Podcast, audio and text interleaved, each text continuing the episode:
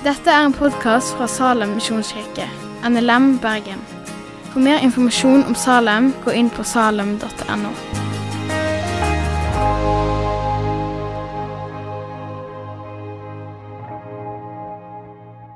Timingen på eh, kapittel 14 er egentlig veldig bra. Den, det handler om gudstjeneste. Hva er en gudstjeneste egentlig? Paulus skriver om nådegaver som tungetale og profetisk tale.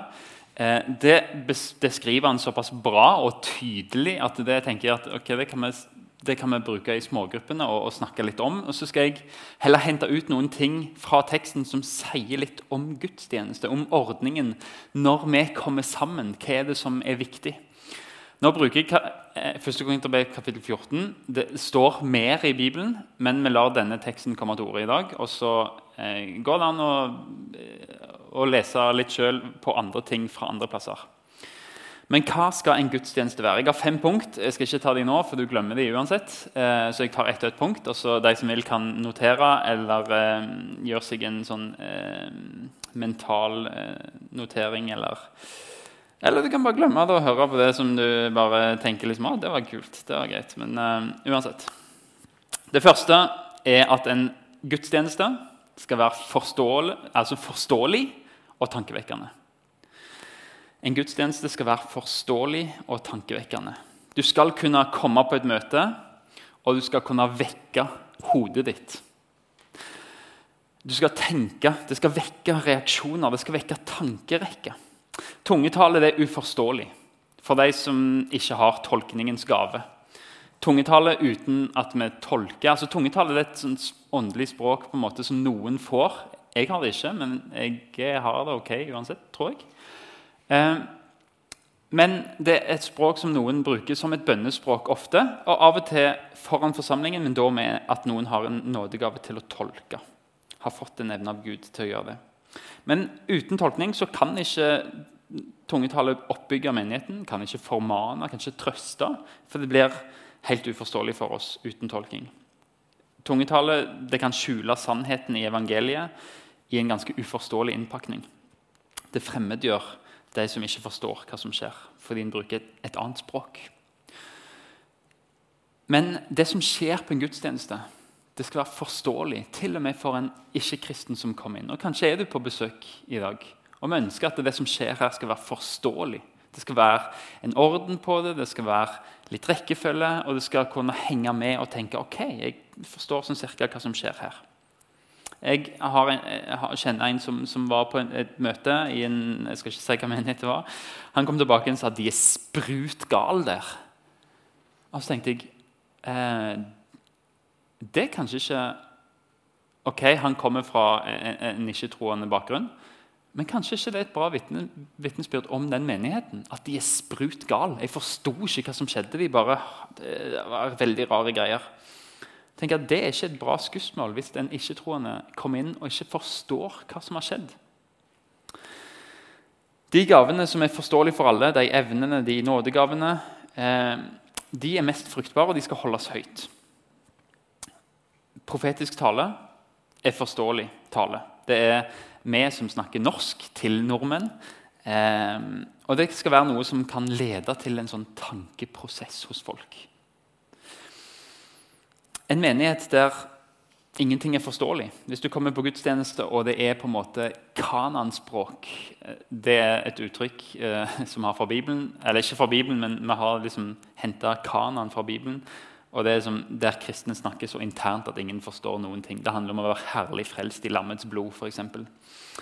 Eh, men en menighet der ingen forstår noen ting, der det bare blir snakka i sånne, sånne, begrep, sier Paulus, det er akkurat som et korps der alle bare spiller samme tone. Kan du tenke deg eh, noe verre å høre på? Det gir ingen mening. Eller det er som et trompet, en sånn krigstrompet som skal vekke hæren. Og de har øvd inn liksom, dette signalet betyr 'still opp i denne oppakningen'. Dette signalet betyr 'gå til messa'. Dette signalet her betyr sånn og sånn. Og så spiller trompeten bare sånn Hæ? Hva? Dette har vi aldri hørt før. Hva er dette for noe? Det er bildet Paulus bruker på en menighet der folk ikke forstår hva som skjer. Paulus sitt mål med teksten er å få menigheten til å være sensitiv for at Det er utenforstående som kommer på gudstjenestene våre. Og de må forstå det som skjer. Det må være en orden på det som skjer. Det skal være forståelig. Det betyr òg at ditt sinn, ditt intellekt, ditt hode, din tankevirksomhet er en viktig arena for gudstjenesten. Bibelen er ikke fremmed for det. For de som er interessert i å lese, så er det en bok som heter 'Your Mind Matters' av John Stott. En av de største eh, evangelikale teologene som på en måte har, er i vår tid. Han har skrevet om hvordan, tanken, hvordan evangeliet skal virke på tanken vår. Men hvor ofte bruker du tankekraft på en gudstjeneste? Jeg tipper sjeldnere enn det Bibelen foreslår. Det er fort gjort å bli en passasjer på gudstjenesten. Å bare komme og tenke at Sett meg her. Og så når du er ferdig, så er det liksom Ja, OK, greit. Ferdig. Men kan vi ta Paulus sitt ord, nei, Peter sitt ord på alvor? Han skriver i 1. Peterbrev 1,13.: Spenn derfor beltet om livet, vær våkne, beredt i tanke og sinn. Sett håpet fullt og fast til den nåde dere skal få når Jesus Kristus åpenbarer seg. Det, han sier Berett i tanker og sinn'. Det Peter sier, altså Når du skal jobbe, så bretter du opp armene dine. sant? Du gjør deg klar. Eller I gamle dager så tok de kjortelen og bandt opp kjortelen sånn at de kunne jobbe skikkelig uten at den liksom var i veien for beina. eller noen sånne ting. Akkurat det ordet bruker Peter her og sier når du bretter opp tankene på sinnet ditt. Forbered deg på at nå kommer noe som jeg er nødt til å tenke over. Tenk deg til handling, er det han sier. Vær edru, sier han. Ikke la alt annet få påvirke tankene dine, sånn at du mister fokus, men, men vær fokusert. La håpet som du hører, la, la budskapet fra talerstolen få, fylle tankene dine. Sørg for at du dømmer kraftig på en gudstjeneste. Vær som en forsker, gå systematisk til verk. Stemmer dette overens med det jeg leser i Bibelen? Intellektet er viktig. Peter vil at budskapet, Peter vil at håpet som vi forkynner, skal prege tanken vår. Han vil at den som kommer og hører budskapet, ikke bare sitter på stolen og så bare Ja, ja, ja, ja, ja ok. Ja, mm, ja. Peter vil at håpet skal prege tanken din. Han vil at du skal tenke hva betyr det for meg at jeg tror på et evig liv? Hvordan ser egentlig livet mitt ut hvis jeg tror at det fins et håp der framme? Hva prioriteringer må jeg gjøre her nå annerledes? Er det noen ting, er det en måte jeg lever på som på en måte tilsier at når jeg er ferdig her, så er det ingenting igjen. Hva betyr det at Gud er nær? Hva betyr det at jeg har Den hellige ånd? Hva betyr det at jeg forvandles til å bli mer lik Jesus? Hvordan ser det ut i mitt liv? Hva er viktig å gjøre da? Hva er riktig å prioritere? Det at kristne tenker og lar hodet få være med når budskapet forkynnes, det gjør faktisk at det skaper fred i lidelse. Det skaper lys i mørket. Det kan skape glede i sorgen, det kan skape liv i døden. Fordi at vi tenker budskapet ok, Hva betyr det for meg, egentlig? Vi sitter ikke bare og tar imot det helt uten at det får påvirke oss. Og så er det kristne, ikke-kristne mennesker som sier at kristne folk de tenker ikke. De bare hører noe, og så bare, de tenker ikke på hvor spinnvilt det egentlig er. Men er det egentlig sant? Fordi at det er kristne folk som har tenkt hva har dette å si for mitt liv? Hva konsekvenser får dette for meg, at jeg skal være lik Jesus? Den tanken, at kristne har liksom tenkt hvordan ser det ut i mitt liv, det gjør at kristne er medlidende. Det er bakgrunnen for at kristne starta noe som heter sykehus. Det er bakgrunnen for at kristne har starta skoler i Norge. Konfirmasjonsundervisning, som i dag er grunnskolen. Det er bakgrunnen for flyktninghjelp. Det er bakgrunnen for misjon. Det har implikasjoner for våre liv. Det budskapet du hører, det skal få bety noe i livet. Men da må tanken kobles på. Du kan ikke komme på gudstjeneste og bare sitte og tenke at dette betyr ingenting. En bergenser er faktisk motsatt av og til. Hvis en bergenser som ikke er kristen du finner på gata, han sier liksom, dette livet det er alt som er, det fins ikke noe mer, det fins ingen mening, eh, ting, fordi evolusjon det er bare den sterkeste overlever. Alt sammen er egentlig bare ren sånn evolusjonstanke.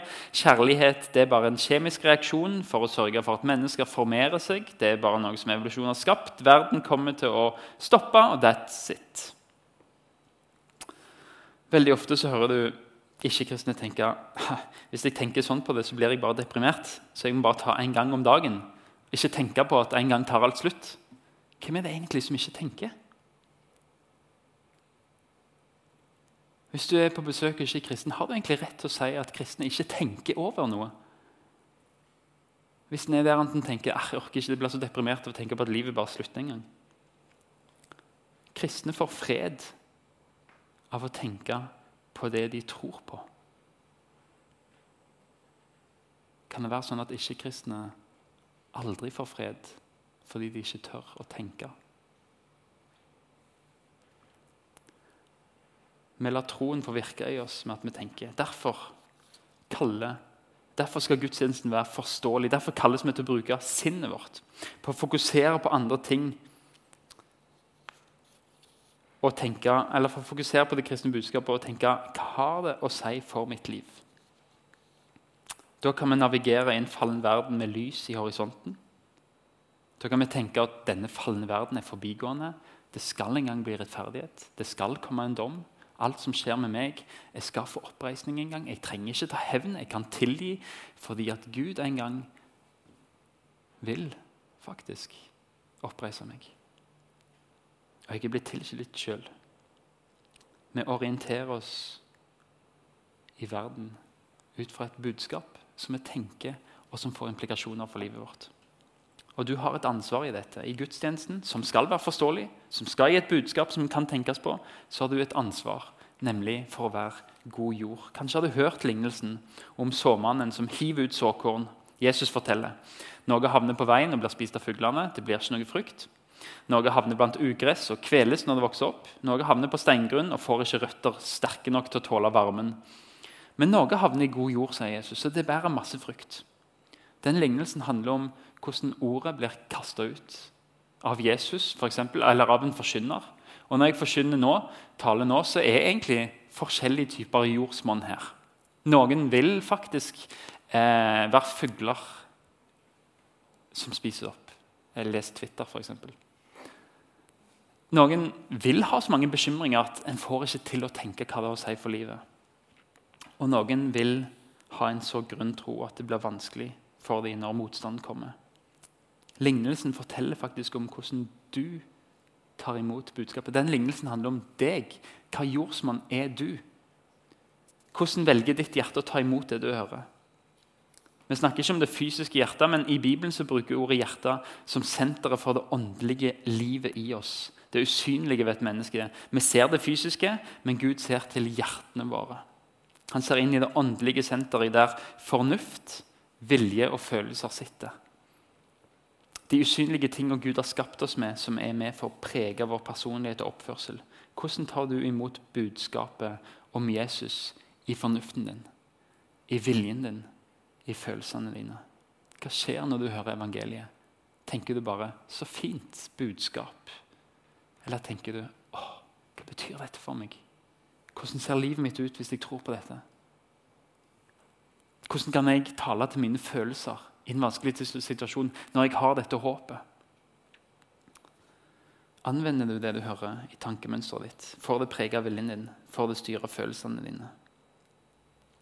I dag er det vanlig at følelsene styrer teologien, men Bibelen er klinkende klar på at teologien skal få være med og forme følelsene våre. Det er derfor vi kan gi, ha glede i motgang. Vi kan ha fred midt i mørket.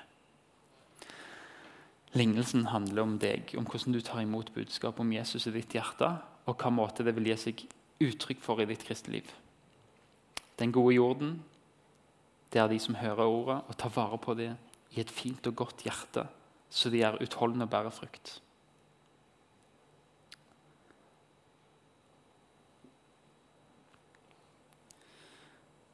Den gode jorda, tror jeg, er de som kommer på gudstjeneste, som skal være forståelig, men som skal utfordre tanken. Og som setter seg ned og tenker det som blir sagt nå, for det første, er det sant? Stemmer det med det jeg leser i Bibelen? Hvis det ikke, så bare stopp der. Hvis det jeg sier, ikke stemmer, bare steng det ute. Men hvis det stemmer med Bibelen, så må du tenke hva har det å si for mitt liv? På hvilken måte skal jeg komme på en gudstjeneste? Jeg må være klar over å sitte og høre på noe som kan skape konsekvenser for meg.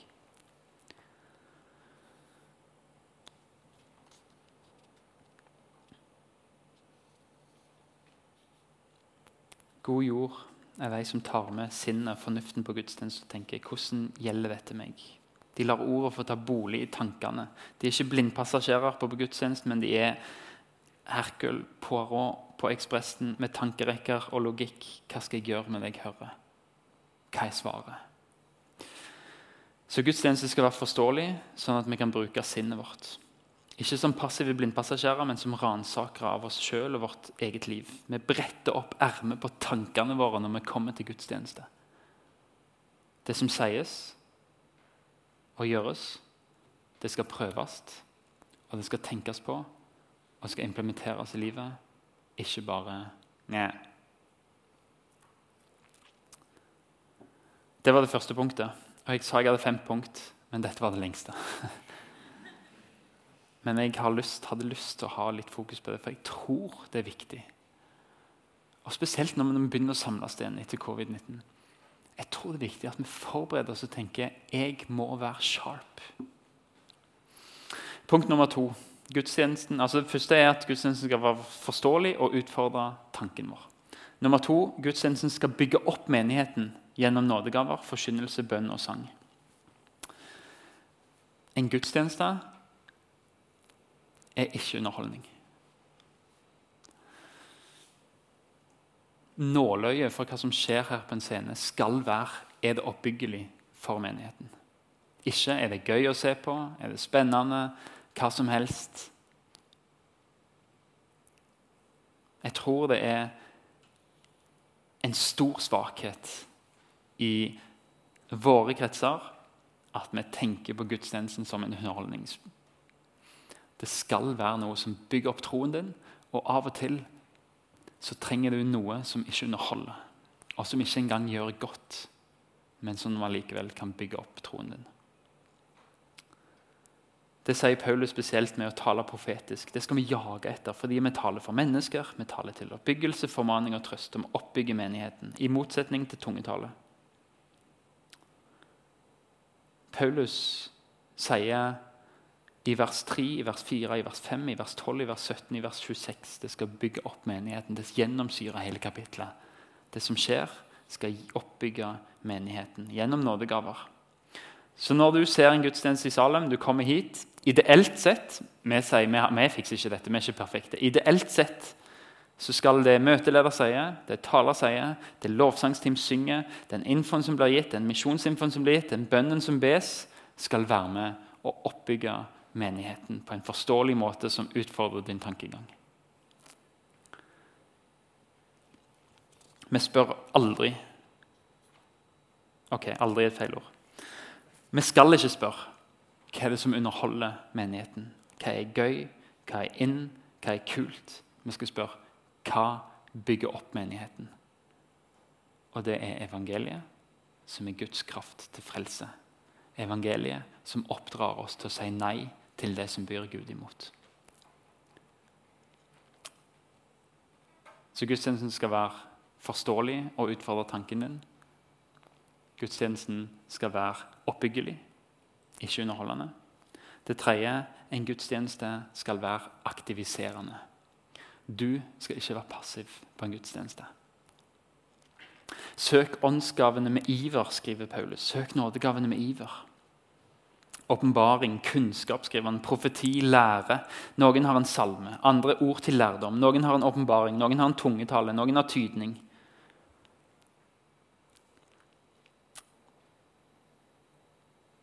Det er veldig lett å få folk med på noe sosialt og kjekt.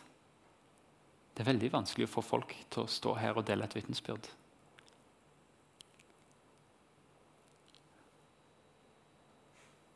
Men jeg tror allikevel at de vanskelige tingene og det som kanskje koster oss litt, kan være med å bygge opp menigheten. Vi ønsker i Salem at hver gang så er det mulighet for å komme fram. Og kanskje vi er dårlige til å formidle det, men det er mulighet til å komme fram til møteleder, taler eller pastor som sitter her fremme og sier du, jeg tror jeg har fått et budskap. Kan du bare være med ut i kafeen og høre hva jeg tenker? Og så ber vi for det, og så vil vi gi en mikrofon. Fordi det er bibelsk. Det står her. Noen har et ord til åpenbaring eller salme eller hva som helst. Men vi skal dele det. I orden, ja. Men vi skal bygge hverandre opp. Hvor aktiv er du når du kommer til en gudstjeneste? Er du åpen for at Gud kan bruke deg når taler eller møteleder kanskje en gang har oversett noe som burde vært sagt? Eller, eller du har en erfaring som noen andre i Salem trenger å få høre? Og Gud vil at du deler den erfaringen for å hjelpe noen. Vi skal ikke komme på en gudstjeneste og tenke at vi skal være passive. Men vi skal tenke at vi deltar. Vi er sammen når vi møter Gud. Og Kanskje deltar ikke alle fra scenen, men kanskje deltar folk i en sånn bønnetjeneste mens du sitter der og bare ber for det som skjer. Kanskje ber du for de som er på besøk her, om at Den hellige ånd skal åpenbare deg. Kanskje tenker du at 'jeg har faktisk noe å dele'. Du ser ikke andre folk møte Gud på en gudstjeneste. Du er med på det møtet sjøl.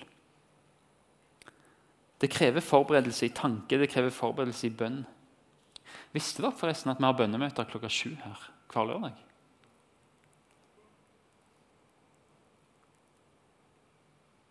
Jeg skulle ønske at vi var flere der. Jeg skulle ønske at det var fullt. Det er egentlig ikke noe farlig. Du kan komme på klokka sju og bare være med. Det skjer her foran scenen. og så deler vi oss i grupper på to og tre. og Det er ikke alle som ber høyt heller. Men bare det å være her gjør noe med Jeg er klar for gudstjeneste. Jeg blir kjent med fellesskapet som jeg går i.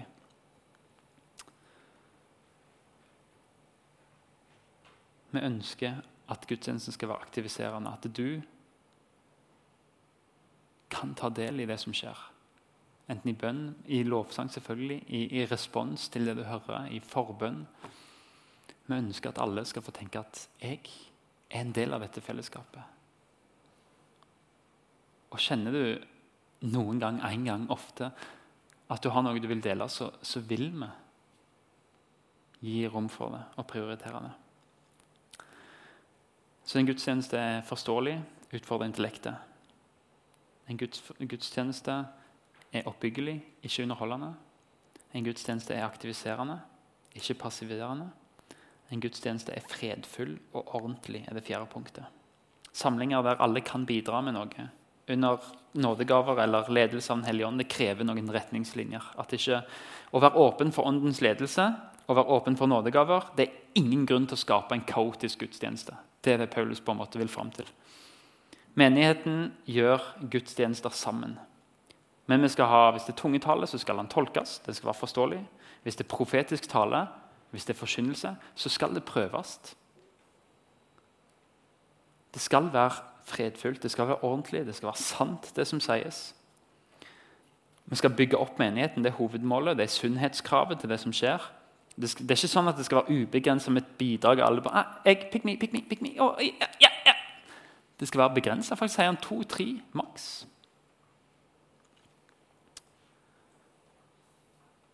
Du skal tillate at vi har en kjøreplan, men at vi ikke følger planen alltid. For hvis en får en åpenbaring, så står det at da skal han få tid. Så du skal være fredfull og ordentlig. Det skal ikke bare være prr, kaos. Det var et lite punkt. Det siste punktet, og det viktigste punktet, før vi kan oppsummere de fire, det, det skal være forståelig. Nå, nå, nå husker dere det, sant? Det skal være forståelig og utfordre intellektet. Det skal være oppbyggelig. ikke underholdende. Det skal være aktiviserende, ikke passiviserende. En gudstjeneste er fredfull og ordentlig. Og det siste, og kanskje det viktigste Og jeg er snart ferdig. Det er ikke det viktigste at jeg er snart ferdig. Paulus sa faktisk at jeg skulle, ønske, jeg skulle gjerne talt fem ord med forstand i stedet for 10 000 ord med tunger. Og det er Jeg helt enig med. Jeg ville heller sagt fem ord med forstand enn 10 000 eh, ord med tunger. Men jeg foretrekker faktisk 10 000 ord med forstand. Så der er Paulus eh, kanskje litt forskjellig. Siste punkt. Gudstjeneste skal bære med seg Guds nærvær. Vi leser kapittel 14, 24 og 25 en gang til. Men hvis alle taler profetisk når en av disse altså en ikke-kristen, kommer inn, da vil han kjenne seg avslørt og dømt av alle. Hans innerste tanker kommer for dagen. Han vil kaste seg ned med ansiktet mot jorden, tilbe Gud og bekjenne Gud er sannelig blant dere. Gud skal være til stede når vi samles. Det er ikke noe vi maner fram. Det er noe han lover. Gud lover å være til stede når vi har en forkynnelse som er åndsfylt. Dvs. Si at Helligånden blåser liv i det. Og Den forkynnelsen er avslørende av og til. Kanskje ikke i dag, for i dag er det egentlig litt mer sånn undervisning enn, kanskje som mer sånn forkynnelse, fordi kapittelet inviterte til det. Og vi, vi, ønsker å følge teksten, ikke bare eh, lese den og så snakke om noe annet. Men av og til så, så snakker vi om ting som faktisk folk kommer Det traff du meg. Akkurat det du sa, det er det ingen som vet om meg. Men du snakket som om du kjente meg tvers inn og ut. Det har ingenting med meg å gjøre. Det har alt med Den hellige ånd å gjøre, som overbeviser folk om sannhet, og som avslører folk. Gud er til stede. Og det er oppbyggelig, selv om det ikke alltid er samme som at det var godt, at det føltes godt. Men Gud er til stede. Tenk det, da. Gudstjeneste. Universets skaper, som sa 'bli lys', og det ble lys. Og Et par dager etterpå så skapte han sola. Tenk han som har sånn makt i sitt ord til å kan skape lys uten lyskilden. Han skapte lyskilden òg etterpå. Men han som har skapt Everest, han er her nå. Hvordan våger vi egentlig å komme med en nonchalant holdning på gudstjeneste? Hvordan forbereder du deg når vi vet at Gud er til stede? Når vi åpner Bibelen, når vi samles i Hans navn, så er Han til stede. Hva forventer du? Blir du søvnig når du skal møte kongen?